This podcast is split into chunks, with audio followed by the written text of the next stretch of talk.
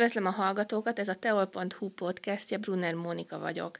Köszöntöm a stúdióban Janó Attiláni Puska Valériát, Szexárdváros iskoláinak egyik katolikus hitoktatóját, a Pécsi Egyházmegye betegek gyógyítója elnevezésű kórház lelkészség önkéntes tagját. Szia Mónika, köszönöm szépen a meghívást, üdvözlöm a hallgatókat. Köszi Vali, hogy itt vagy. Te vagy a Szexárdi Adventi Ablakok programsorozatnak a létrehozója.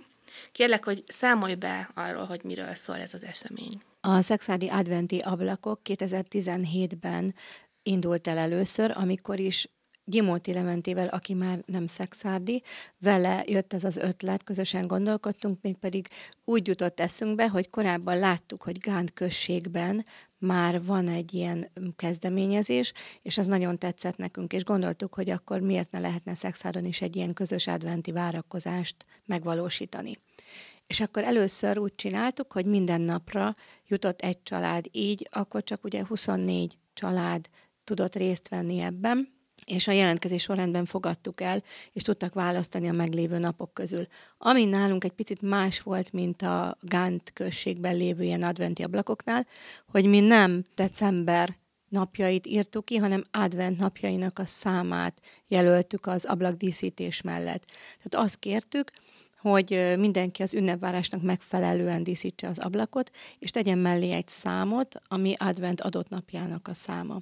És az élő szeretet embertársainkért rendezvény, ami mindig szokott lenni advent időszak alatt a város terein, ott mindig bemondták, hogy azon a napon, melyik utcában, hol láthatóak ezek az ablakok. Készítettünk térképet, amin bejelöltük, hogy a, aki a városban sétál így esténként, akkor merre merre tudja ezeket megtekinteni, illetve táblázatot is készítettünk az ablakok helyszíneinek, utcákkal, házszámokkal együtt, és a közösségi oldalon indítottam egy csoportot, ahova ezeket a képeket minden nap fel is tettem, leírásokkal együtt, jelölve abban, hogy, hogy hol van, hogy mit jelenítettek, meg mi az ablaknak az üzenete. Kezdetben az volt csak a kérésem, hogy úgy díszítsék az ablakot, ahogy az ünnepvárásnak az megfelelő. Aztán egy zsűrit állítottunk fel legelső évben, akinek a tagjai a Decsik János volt, a Gyimóti Levente, Biszák László és én jó magam, és természetesen minden ablakot díjaztunk és jutalmaztunk, hogy válasszon, hogy melyik a legszebb, és ajándékokkal kedveskedtünk a készítőknek. A kezdeti években hány jelentkező volt? Akkor minden napra csak egy, és akkor még csak a családok, családi házak ablakait díszítették. Aztán később ugye kértük azt, hogy intézmények, cégek, üzletek is jelentkezzenek. Onnantól kezdve már nem csak egy ablak volt egy nap, hanem amennyi milyen jelentkeznek, mindenkinek megadtuk a lehetőséget. 80-100 ablak is volt egy évben, volt a névünk. Ebben az évben az 51. ablaknál járunk a mai napig. Mikor kezdtek el csatlakozni a programsorozathoz közintézmények? A második évben, már 2018-ban már általános iskolák, pékségek, ruhaüzletek, ékszerbolt, papírírószer, és ők a mai napig is rendszeresen díszítenek, tehát ők, ők megmaradtak állandó díszítőnek, autóalkatrészbolt, könyvesbolt. Összeszámoltatok-e, hogy összesen hány ablakot díszítettetek? Hát, hogyha mondjuk olyan 70-80-an számolunk évente, és ez a hetedik évünk, akkor az ilyen 5-600 ablak összesen. Hogy készültek egy ablak díszítésre, annál bármilyen tanácsot? Általában azt szoktam kérni, hogy az ünnepvárásnak megfelelő legyen. Szeretem, hogyha a lila és a rózsaszín, mint az advent színei megjelennek benne. Szeretem, hogyha kézzel készítettek, hogy nem csak rajz van, de természetesen gyönyörűek a rajzok is. Illetve szeretném kérni, vagy szoktam kérni azt is, hogy kedvenc mesét, karácsonyi éneket, karácsonyi történetet is mellékeljenek hozzá. Az ablakokról a leírást azt általában én szoktam ö, megtenni. Emlékszel, hogy mi volt a legkülönlegesebb ablak eddig? Volt egy olyan ablak, amit, illetve több ilyen, ahol rész folyamatokról is kaptam képeket, és látszik, hogy az egész család dolgozik rajta, hogy apukákat még munkaruhába este, ahogy hazaérkeztek, rajzolták, ragasztották az ablakra a díszeket. Ezek nagyon tetszettek, nagyon különlegesek voltak, mert így tényleg a célja ez, hogy közösen készüljön, hogy ne ne csak valaki gondol egyet, és akkor én megcsinálom, hanem hogy segítenek a gyerekek, benne van az anya, apa, tesók, mindenki. Hol lehet tudomást szerezni arról, hogy mely ablakok vannak feldíszítve a városban? Én minden nap a közösségi oldalon, a Szexádi Adventi ablakon ezeket jelzem. Meg hát előre nyilván, akik tudják, meg betérnek adott üzletekbe, rá is szoktak kérdezni, hogy mi az a szám az ablakon. Úgy előre most nem csináltam táblázatot, vagy ilyen, mint akkoriban térképet, hiszen már annyira a bejáratot meg a gyerekek tudják, meg azért a közösségi oldal az nagyon nagy segítségem ebben. Van neked tapasztalatok arra vonatkozóan, hogy milyen élményekkel gazdagodtak az ablakdíszítők, megváltozott-e valahogyan az életük? Az élményhez hozzátenném azt, hogy az első évben, amikor egy osztály nyert osztálykirándulást például, akkor még a Szálkána Művészetért Alapítvány tábora megvolt, és ott voltak egy osztálykiránduláson. Vagy például az egyik család, ők négyfős hajóutat nyertek támogatások segítségével. Tehát nekik biztos, hogy, hogy olyan élményt adott, ami maradandó, de mindenkinek, aki, aki ebben részt vehetett, és, és díszítette az ablakot, és a vízhangja, meg hogy mennyien látták, szerintem azért az jó, jó dolog volt.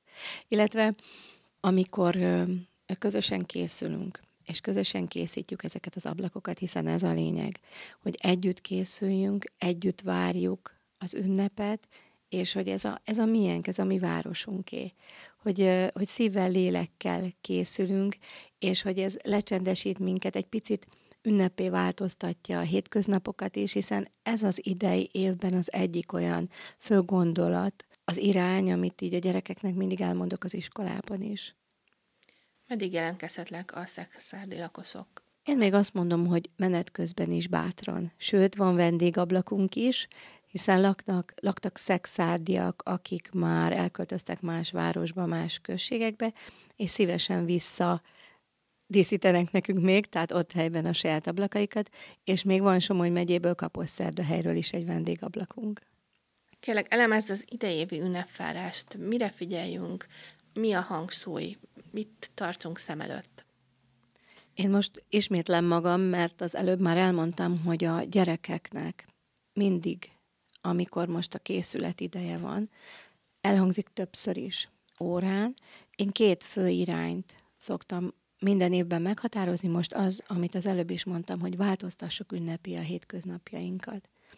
Hogy az otthonunkba belépve, akár ha ezt az ablakot látjuk, vagy a, az adventi koszorút, akkor, akkor az úgy kicsit melengesse a lelkünket, és hogy lássunk, lássunk gyermeki szemmel. Mert sokszor ugye a felnőttek úgy érzem, hogy látnak, de a dolgok eltakarják az igazi látványt.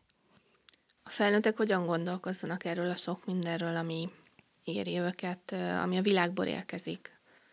A másik iránymutatást, vagy irányvonalamat tenném ide, az pedig az, hogy az idő az egyetlen, ami megérti, hogy milyen fontos az életben a szeretet, és hogy ennek a kimutatása. És persze mi is a gyerekekkel az iskolában is látjuk, hogy mi történik körülöttünk, de azt mondom, hogy nem szabad mindenhova ezt beengednünk, és nem szabad, hogy ez irányítson bennünket, nem szabad félnünk. És Böjte Csaba olyan aranyosan megmondta, hogy ha tudnám, hogy itt a világ vége, akkor is meglocsolnám a virágaikat, virágaimat, szeretném a gyerekeket.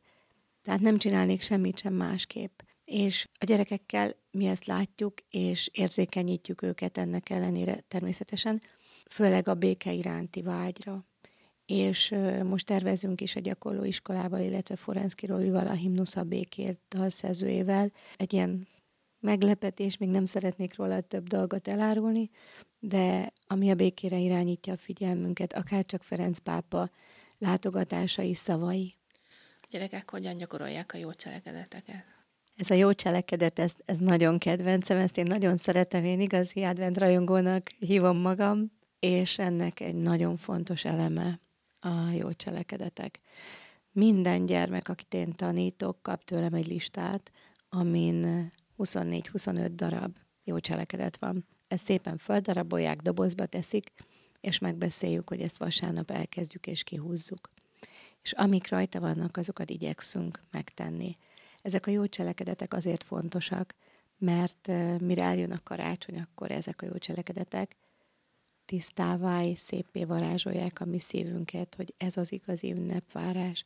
Hogy nem csak nézem mondjuk a gyertyát, hogy ég az asztalon, vagy számolom a napokat és eszem a csokit a kalendáriumból, hanem én is teszek azért, hogy én is ajándékozni tudjak karácsonyra. Mert ugye Jézus a születésnapján mindenkinek megszületett, mindenkinek ajándék. De én, mi egy pöttyös labdát nem tudunk neki adni, mert azzal nem sok mindent tud kezdeni, de a jó cselekedeteinket adjuk neki ajándékban. Kérek, mondj néhány példát, hogy milyen jó cselekedetekről van szó konkrétan. Igen. Például van egy ilyen, hogy főzzetek vagy süssetek valami finomat, és ajándékozzatok meg valakit vele. És szoktam mondani, ha csináltok otthon mézes kalácsot, akkor csomagolj kettőt, és vigyél a legjobb barátodnak a suliba. Vagy van ilyen, hogy ma imádkoz valakiért, akit kevéssé kedvelsz, hogy említsd meg az ő nevét, és kívánj neki valami jót. Vagy köszönj meg ma mindent azt is, ami magától értetődik. És nagyon ügyesen el szokták mondani erre a példát, hogy például az ebédlőben, mikor megkapják a konyhás nénitől a tálcán a ételt, akkor megköszönik.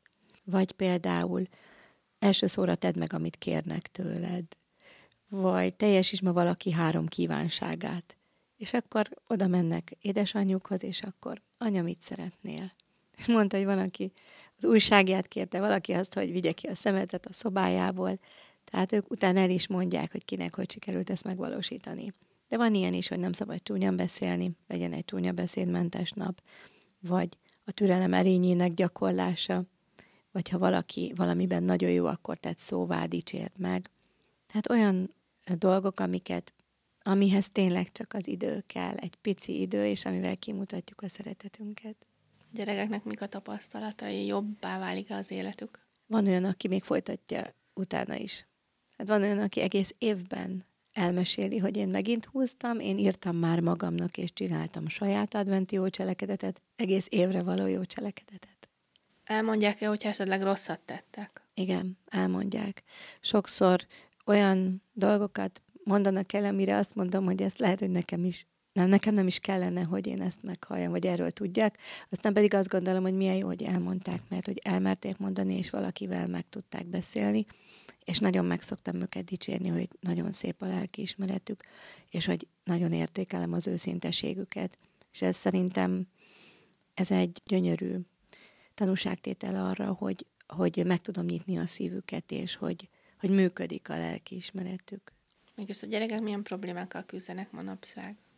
Például, amit az előbb mondtál és beszéltünk róla, hogy félnek például attól, hogy mi van a szomszédban, vagy hogy milyen esetek vannak ugye a világban, a háborús konfliktusok. Vagy például a családban, hogyha a szüleik veszekednek, vagy hogy a tesójával nincs jóba, vagy az osztálytársa csúfolja, súlya miatt, vagy a hajszíne miatt. Aztán olyan is van, aki nagyon komoly és nagyon részletesen beszámol otthon történt dolgokról, és a többi osztálytárs előtt is, tehát ahol többen halljuk, hogy milyen nehézségekkel küzd, és próbálunk együtt segíteni. Ötleteket adnak, de van olyan is, hogy például elmondja, hogy nehezen alszik, és akkor mindenki jön az ötletekkel, hogy az én anyukám levendulát cseppent a párnámra, az én apukám lélegzéssel segít elaltatni engem, az én anyukám mesét mond, és akkor így ők is próbálják egymást segíteni.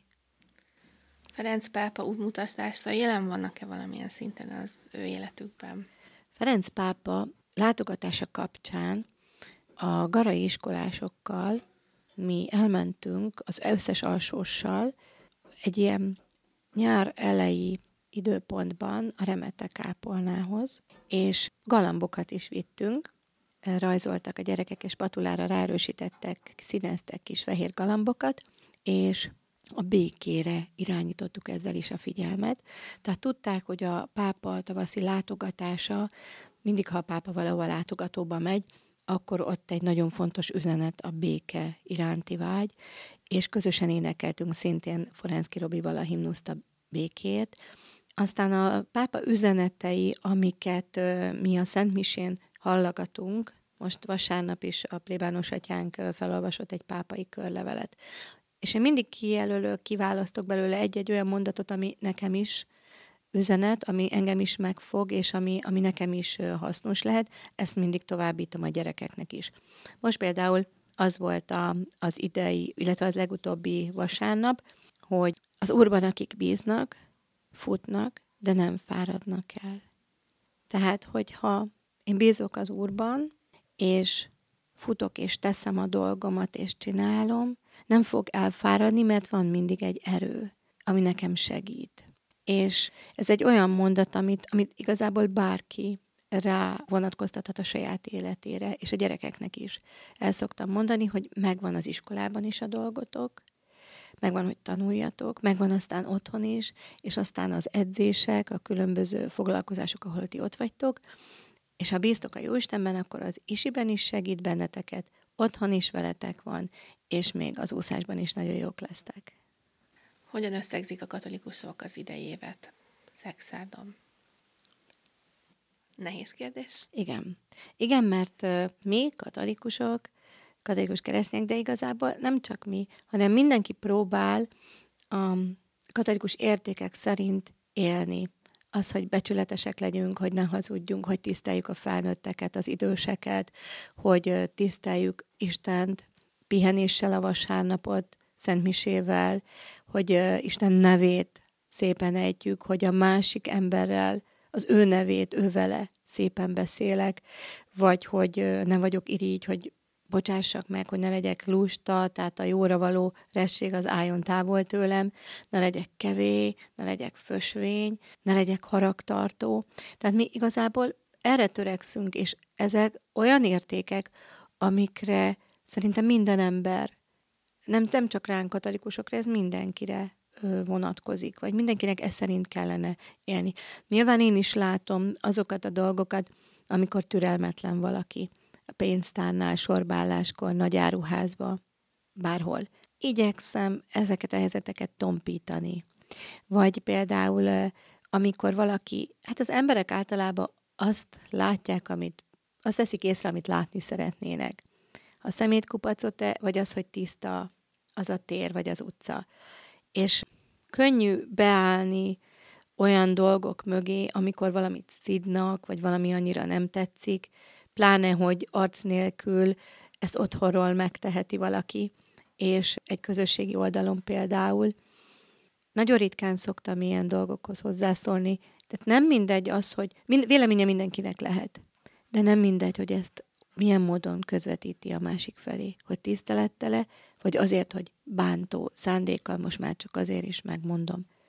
Én ezeket nem tartom helyesnek. Azt igen, hogy például múlt szerdán egy csapat középiskolás diák szemetet szedett kint Palánki úton. Tudáltam rájuk, mert annyira meglepett, és, és nagyon tetszett, hogy ők ilyet csinálnak. És fantasztikus volt. És nem azt láttam, hogy szemét van az utcán, hanem azt, hogy jé, ezt szedik össze. És senki nem mondta nekik, gondolom, ezt tök így maguk kitalált. Nem tudom, kik voltak ők, de hatalmas tisztelet nekik. Karácsonykor mi a helyes menet? Rokonok, barátok, ismerőszök, mikor kit látogassunk, mit főzzünk?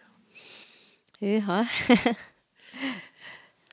Én nem, szerintem erre nincsen recept, hogy mit, hogyan, kit. Én azt mondom, és ezt a neten láttam, és ez nagyon tetszett nekem, hogy teljesen mindegy, hogy mi van a fán, mi van az asztalon, vagy mi van a fa alatt, az a lényeg, hogy az a fontos, hogy ki van ott velem, ki van ott velem a fa körül. És azt, hogy mit teszünk, szerintem ez mindenkinél egyedi. Vannak megszokott dolgok, nálunk is olyan, amit már gyerekkorom óta hagyomány, a hal az mindenképpen, ezeket mindig csinálunk, a torta is legyen mindig, hát nem vagyok nagy sütögetős, de, de tortát azt szoktunk. Én azt mondom, hogy, hogy akivel szeretnénk együtt lenni, hát őt mindenképpen látogassuk meg, vagy hívjuk meg magunkhoz. Mi szoktunk vendéget hívni, és több éven keresztül is csináltuk azt, hogy idegen, tehát hogy nem csak családtagot láttunk vendégül, hanem akit mondjuk lehet csak együnk ismer a családban. És hogy egy picit gyakoroltuk ezt is, hogy milyen egy idegen befogadni és egy idegennel ünnepelni, mint ahogy annak azon az éjszakán, hogy Máriát és Józsefet is, hát ugye nem fogadták be sehova, És mi lenne, ha most valaki kopogtatnak karácsony este az ajtón, hogy beengedném-e? Mi egy katolikus karácsonyi menü pontosan? Hát én erre szerintem nem. Ilyen nincsen. Nincsen. nincsen ilyen. Az van, hogy délután az biztosan, hogy úgy fog zajlani, illetve a mostani adventünk az elég különleges. Ugyanis a negyedik vasárnap az 24-e. Tehát 24-én délelőtt mi még elmegyünk a vasárnapi szentmisére, ami ugye minden vasárnap a feltámadást ünnepeljük, tehát ami egy általános vasárnapi szentmise, és aztán el fogunk menni délután négy órakor, amikor is a Betlehemes lesz, és ott a gyermekem is szerepelt, meg hát oda minden évben elmegyünk, illetve az a családoknak nagyon-nagyon-nagyon felemelő tud lenni, és akkor már látják a gyerekek a Betlehemet is, illetve maga a történetet eljátszák, idén a katolikus iskola hatodik osztályos tanulói fogják ezt előadni. Aztán éjfélkor pedig van az éjféli mise, ami pedig már a karácsony, karácsonyi mise. Úgyhogy aznapon háromszor fogunk templomba menni. Vannak olyan karácsonyi programok, amiket ajánlanál? Nagyon szépek, én láttam már a kiírást a, a havi programokról, hogy a város terein hol milyen programok lesznek. Szerintem nagyon változatosak, és biztos, hogy a részvevők nagyon lelkismeretesen készülnek. Nagyon sok diák csoportot láttam, iskolát, akinek a tanulói részt vesznek különböző előadásokkal. Úgyhogy én azt gondolom, hogy méltón készül a város apraja nagyja ezekre, erre az időszakra, advent időszakára. Kórház lelkész engedélyed is van. Mi lesz adventkor? Milyen feladatok várnak rád? Kórház lelkészként 2019 óta önkénteskedem. Ebben az évben a tüdőgyógyászati osztály lett az én osztályom, ahova heti egy alkalommal járok. Nagyon szeretem ezt az osztályt. Nagyon kedvesek az ott dolgozók. Mindig nagyon sok a beteg, és szeretek hozzájuk menni, szeretem őket meglepni, nem csak így advent környékén, hanem egyébként is. Múlt alkalommal mindenkinek vagy szőlőlevelet vittem, gyönyörűeket találtam az utcán, és szedtem mindenkinek.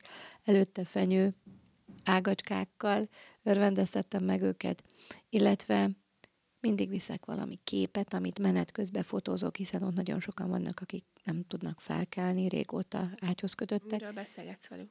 Általában ők adják, tehát van, akivel nem lehet, akkor ott imádkozom, énekelek, és ugyanúgy megszólítom és elköszönök néven, szólítom őket, amikor belépek vagy kijövök a korteremből, hagyom őket, rákérdezek, hogy vannak, és aztán ők mondják. Mondják, és szeretem őket vigasztalni, megpróbálok együtt érezni velük, és támogatásomat adni, megfogom a kezüket, van, akit megitatok, rendet rakok az éjjeli szekrényen, van, akinek felolvasok, énekelünk közösen, imádkozunk közösen, van, akinek összekulcsolom a kezét, mert már ahhoz sincs ereje. Ez mindig a helyzet adja. Mi volt a legmegdöbbentőbb sors, amelyel találkoztál? Nem is azt mondanám, hogy sors, hanem egy néninek a, elmondott nekem egy olyan köszöntőt, amit ő írt 35 évvel ezelőtt, amikor 40 éves házas volt.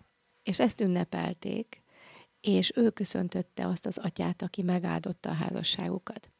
És ott fejből, el, a néni már 80 feletti, elmondta ezt, az, ezt, a, ezt a köszöntőt, végigmondta nekem kívülről, és gyönyörű volt. Abban minden volt. A család, az otthon, a falu, a szülőháza, a szülei iránti tisztelet, a megbecsülés, a párja iránti szeretete, szerelme, az Isten iránti szeretete, és végigfogta a kezem.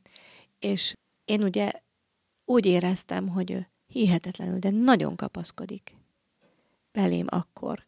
És jobban, úgy éreztem, hogy sokkal jobban kapaszkodik, mint ahogy én tartottam az ő kezét. Ez nagyon szép volt, erre, erre nagyon jó szívvel emlékszem. Az önkéntes munka mennyire fontos a számodra? Az szerintem a mindennapjaim része.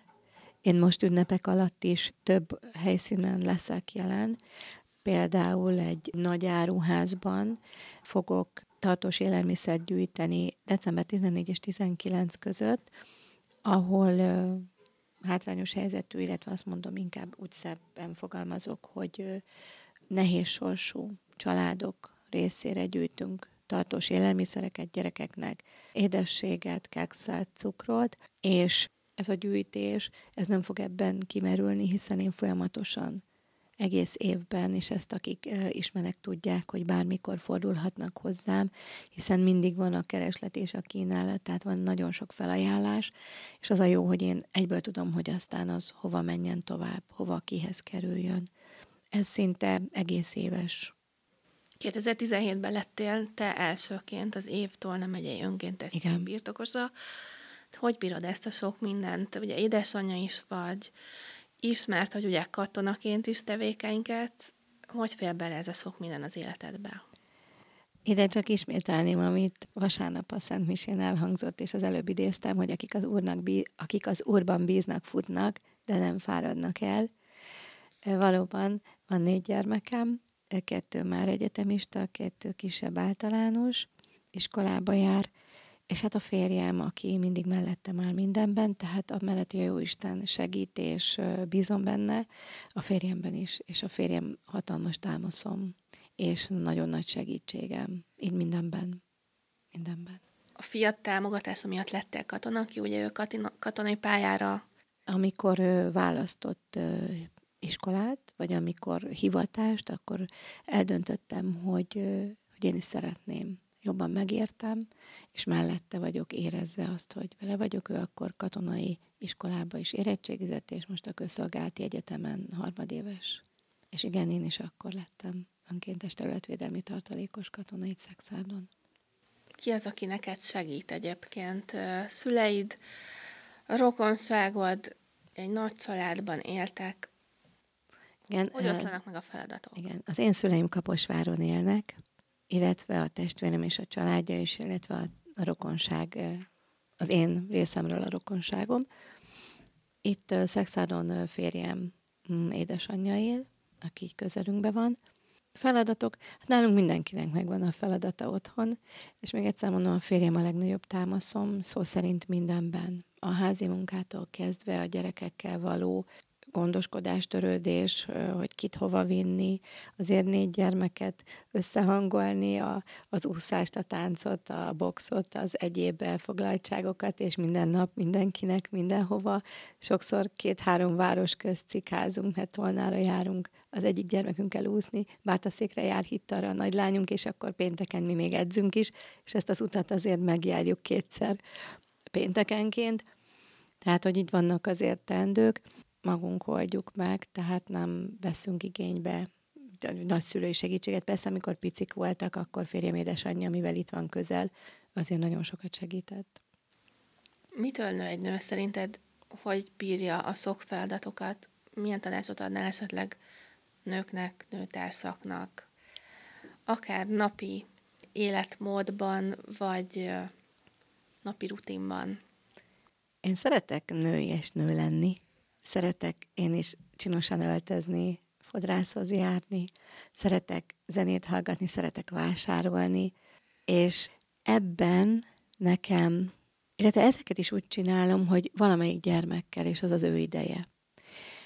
A lányom nagyon szeret festeni, olyan egyetemre is jár, ahol művészeti képzésben vesz részt, akkor ő, vele minden, ami művészet, akkor ez az irány, az csak az ő ideje.